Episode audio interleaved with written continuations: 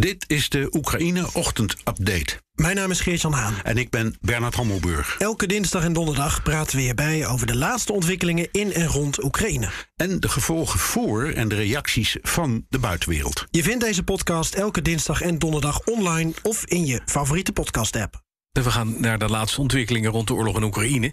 Bij ons dan ook BNR's buitenlandcommentator Bernard Hammelburg... en Europa-verslaggever Geert-Jan Haan. Goedemorgen. Goedemorgen. Goedemorgen. Ja, ik wil al eerst even praten met jullie over het laatste nieuws wat we hebben. We zagen foto's, satellietfoto's van een Russische luchtmachtbasis op de Krim. En daar zie je zeven vliegtuigen verwoest. Ehm, en toen vroeg ik me af, ja, dat is niet een explosie in de munitiedepot... waar de Russen het gisteren zelf over hadden. Uh, maar anderzijds, we hoorden Zelensky wel... Krim moet terug. Uh, zou dit toch een aanval kunnen zijn geweest... van het Oekraïense leger? Stel je maar mij. Ja, uh, Bernard, jij bent het en iets van vliegtuigen en iets van geopolitiek ja, en iets van Nou, ik weet niet van vliegtuigen ja. zolang ze vliegen. Ja, dat... Um, en dat zie je duidelijk niet meer het Nee, dat is niet het geval. Nee, um, nou, het, het is uh, naar mijn idee ook door wat je hoort van bijvoorbeeld uh, het Britse ministerie van Defensie. Mm -hmm. Uh, en andere doorgaans nog wel betrouwbare bronnen dat het wel degelijk een aanval is geweest. Ja. Um, alleen uh, niet met uh, die geweldige wapens die het Westen heeft geleverd. Precies. En dat is het pikante. Er, is, er zijn twee een aantal, aantal verhalen die, waarvan je denkt als je ze hoort dat ze tegenstrijdig zijn. Dus eerst zeiden de Russen: nee, nee, er is gewoon een explosie geweest in een munitiedepot. Ja. het zijn misschien ook tweede explosies geweest. Um, en de, de Oekraïners zeiden. Uh, ja, dat zouden dan partizanen geweest kunnen zijn. Mm. En als je het allemaal bij elkaar veegt, dan denk ik dat het inderdaad een aanval is geweest die op of van binnen op de Krim of van binnenuit is gepleegd. Aha. Maar wel degelijk door Oekraïners en wel degelijk met de strategische bedoeling om die luchtmachtbasis goed deels uit te schakelen. Wat volgens mij, als je die foto's ziet waar jij het over hebt, mm -hmm.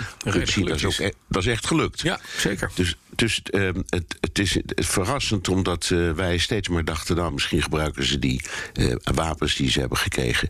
Uh, voor lange afstandsbeschietingen, ook op gebied buiten het directe gevechtsgebied. Mhm. Mm -hmm. Dat doen ze dus niet. En dit zou betekenen dat er, ja, kwestie is van infiltratie. Ja. Uh, dat, dat is heel, heel pikant. En het is denk ik ook. De, de, de, de Oekraïners springen een gat in de lucht als je alle berichten leest. Ze zijn dolblij dat dit is gelukt. Ja, ja het, het, maar inderdaad, wat, wat ook pikant is, is. Ze hebben eigenlijk geen wapensystemen die zo ver kunnen reiken. Ja, dat, de, daar zijn verschillende geleerden over van Okay. mening. Dus die HIMARS bijvoorbeeld, die zijn geleverd. Die hebben, zeggen ze hebben gemiddelde afstand van 80 kilometer. Maar er zijn andere bronnen die zeggen... ja, maar dat hangt er een beetje vanaf welk type raket je erin zet. Uh, er zijn ook raketten die verder kunnen.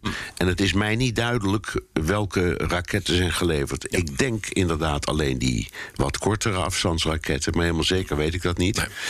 Maar het feit dat er dus uh, ja, ook uh, achter de linies, zal ik maar zeggen... Mhm. Mm -hmm. infiltranten bezig zijn... Ja, dat, dat is wel een hele ja, nieuwe... Dat is een, een, nieuwe, ja, is een nieuw onderdeel in deze oorlog. Zeker. Een hele belangrijke waarschuwing ook naar de Russen... omdat als uh, Oekraïne Gerson zou willen heroveren... We weten natuurlijk niet of dat lukt, maar uh, dan uh, kan het overeenkomen met de partisanengeluiden die we vanuit daar horen. Mhm. Mm -hmm. Vanuit een stad als Berdjansk.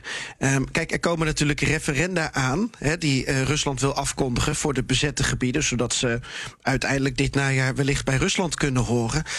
Oekraïne geeft hiermee toch heel duidelijk aan dat ze dat niet zomaar laten gebeuren. gebeuren. Nee, duidelijk.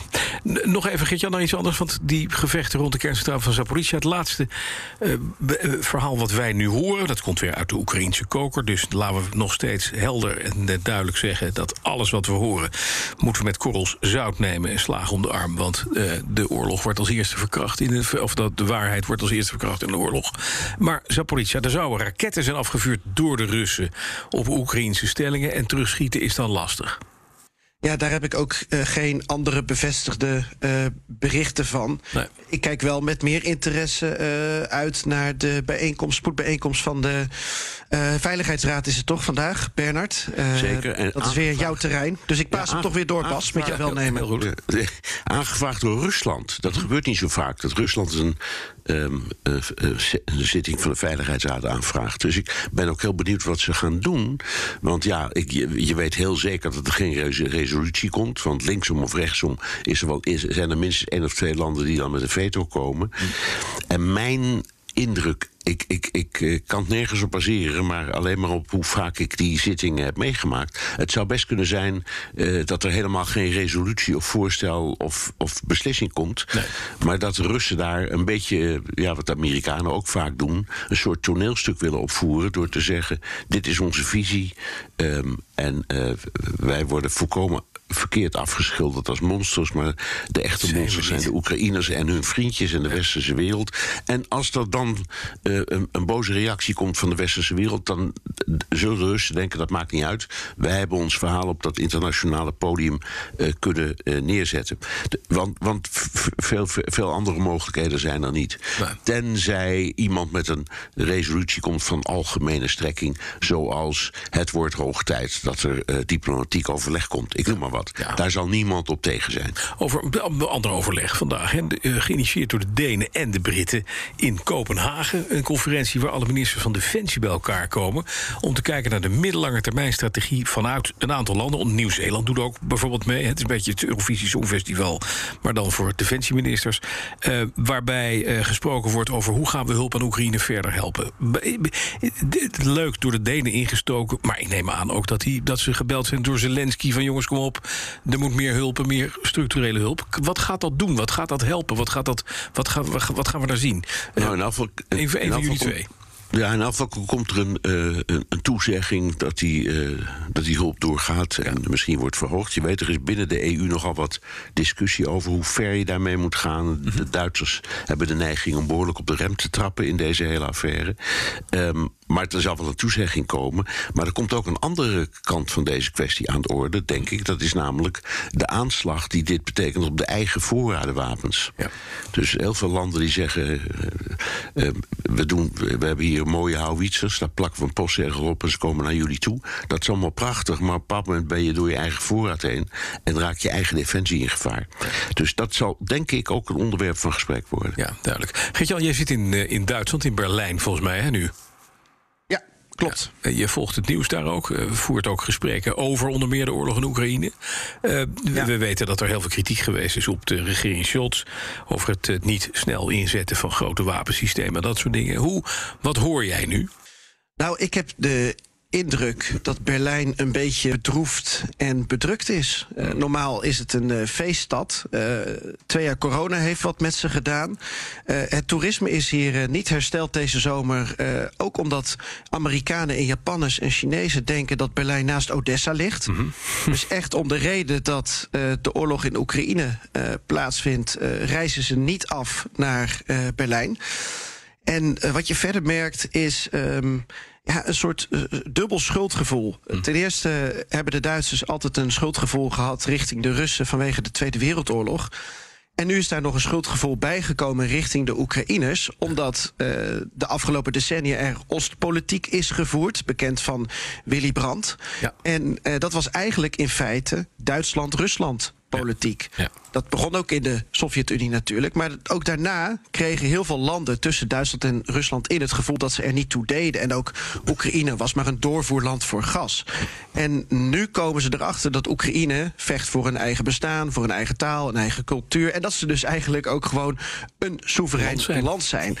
En daar hebben ze wel moeite mee hier in Berlijn om dat allemaal te kunnen plaatsen. Ja, dat geeft wat stress. En zorgelijker dus de verhalen en geluiden van mensen dan in Nederland bijvoorbeeld. Ja, absoluut. En dan speelt misschien ook het fenomeen German angst mee. Uh, dat uh, Duitsers sowieso al uh, vaak wat angstiger zijn en veel voorzorgsmaatregelen nemen. Dat zie je nu ook als het gaat om de energierekening. je ziet dat ook hier natuurlijk de prijzen stijgen. En dat ze bezig zijn met allemaal maatregelen, eigenlijk al sinds half juni. Ik ging gisteravond of vannacht ging ik met collega Floris Akkerman, met wie ik hier samen ben, hebben we een e-bike gepakt. En zijn we langs de iconen van Berlijn gaan fietsen. Om te kijken welke iconen nog licht gaven en welke niet. Want een van de maatregelen hier is dat 200 Berlijnse monumenten, dat daar het licht van uit moet of nauwelijks aanstaat.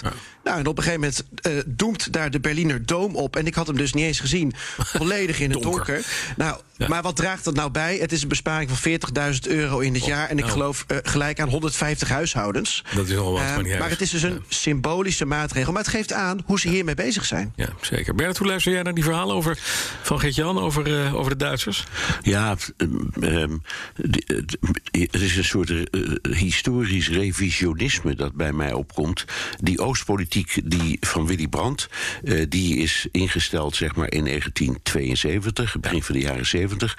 En de bedoeling was dat de twee dingen. In de eerste plaats dat Duitsland vanwege schuldgevoel en vanwege de positie waar het ligt, een soort brug wilde zijn tussen Duitsland en, uh, en het, het Warschau-pact. Uh uh, waar ook Oost-Duitsland bij hoorde, onderschat het niet. En eigenlijk en het Westen. En uh, de, iedereen, wij ook, zagen dat toen toch wel als een heel mooi ding. Uh, je kan beter handel drijven dan oorlog maken. Dat was een beetje het idee. Ja. En die Oostpolitiek is altijd voortgezet.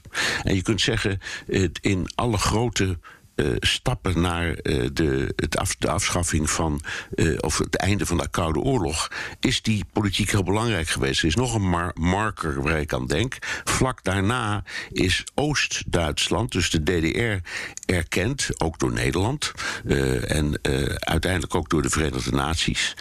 dat, dat was weer een opmaat naar de eenwording van de twee Duitslanden. En wat nu gebeurt heel veel, en volgens mij ook in Duitsland, is dat mensen zeggen: ja, hebben we daar eigenlijk wel slim aan gedaan?